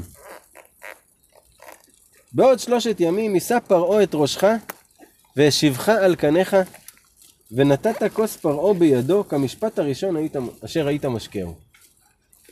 אומר לו בעוד שלושה ימים פרעה יחזיר אותך לממלכה ואתה תחזור והכל יהיה בסדר ותחזור לתת משקאות לפרעה. פתר לו את החלום. כי אם זכרתני איתך כאשר ייטב לך ועשית נא עמדי חסד והזכרתני אל פרעה והוצאתני מן הבית הזה. אומר לו רק תזכור אותי כשאתה מגיע, אתה חוזר להיות שר, תזכיר לפרעה ותגיד לו שיוציא אותי מכאן. אבל תזכור אותי, פעמיים הוא אומר. כן, והזכרתני, גם תזכיר אותי. על הדבר הזה בסוף הוא נשאר עוד שנתיים, כי הוא שם את ביטחונו בבשר ודם. וגם כי הוא לכאורה עשה פה איזה קומבינה. הוא ידע שכל החלומות הולכים אחר הפה, והוא פירש לו טוב כדי שהוא יגיע לשם וידבר, כאילו הוא שלח שליח. הבנת? בגלל זה, בגלל זה הוא פתר לו את זה ככה. אז הוא אומר לו, כי גנוב גונבתי מארץ העברים, וגם פה לא עשיתי מהומה, כי שמו אותי בבור. הוא אומר לו, גנבו אותי מארץ העברים, וגם פה לא עשיתי שום דבר, אני לא אשם בכלום. וירא שר האופים כי טוב פתר. מי ראה שהוא פתר טוב? שר האופים. מה הוא פתר? את החלום של שר המשקים. הוא ראה שוואלה, הפתרון באמת, אני חלמתי שאתה ת, תחזור למלוכה וזה, אתה יודע? אז שר האופים ראה את זה. ויאמר אל יוסף, אף אני בחלומי, והנה שלושת צלי חורי על ראשי. אומר לו, גם אני בחלום שלי, מה אני רואה? שלוש צלי חורי על הראש שלי. זה סלים של נצרים, של להשתי בערב, מקש כזה. שלוש סלים על הראש שלי, ובסל העליון מכל מאכל פרעה מעשה אופה. כל הלחמניות הטובות שלי וזה, בסל העליון אני שם אותם. והעוף אוכל אותם מן הסל מעל ראשי, ובא עוף אחד ואוכל אותם. מהסל שעל הראש שלי. ויען יוסף, ויאמר זה פתרונו. אומר לו, תשמע, זה הפתרון. שלושת הסלים, שלושת ימים הם. הסלים האלה מרמזים לשלוש ימים. בעוד שלושת ימים יישא פרעה את ראשך מעליך ותלה אותך על עץ ואכל העוף את בשרך מעליך. וואו וואו. אומר לו בעוד שלוש ימים פרעה יתלה אותך והעוף יאכל את הבשר שלך. לא מתבייש להגיד. מעניין למה הוא אמר לו את זה. אולי הוא רצה לשלוח אותו גם ל- הוא ייתן לו את זה. לחל"ת. ויהי ביום השלישי יום הולדת את פרעה. בדיוק אחרי שלוש ימים יצא יום הולדת לפרעה. ויעש משתה לכל עבדיו, ויישא את ראש שר המשקים ואת ראש שר האופים בתוך עבדיו. קרא להם גם כן שיבואו. וישב את שר המשקים על משקהו ויתן הכוס על כף פרעה. החזיר אותו וזה, אמר לו בוא יאללה אתה תיתן לי את הכוס. ואת שר האופים תלה כאשר פטר להם יוסף. ואת שר האופים הוא באמת תלה בדיוק כמו שפטר יוסף. ולא זכר שר המשקים את יוסף וישכחהו.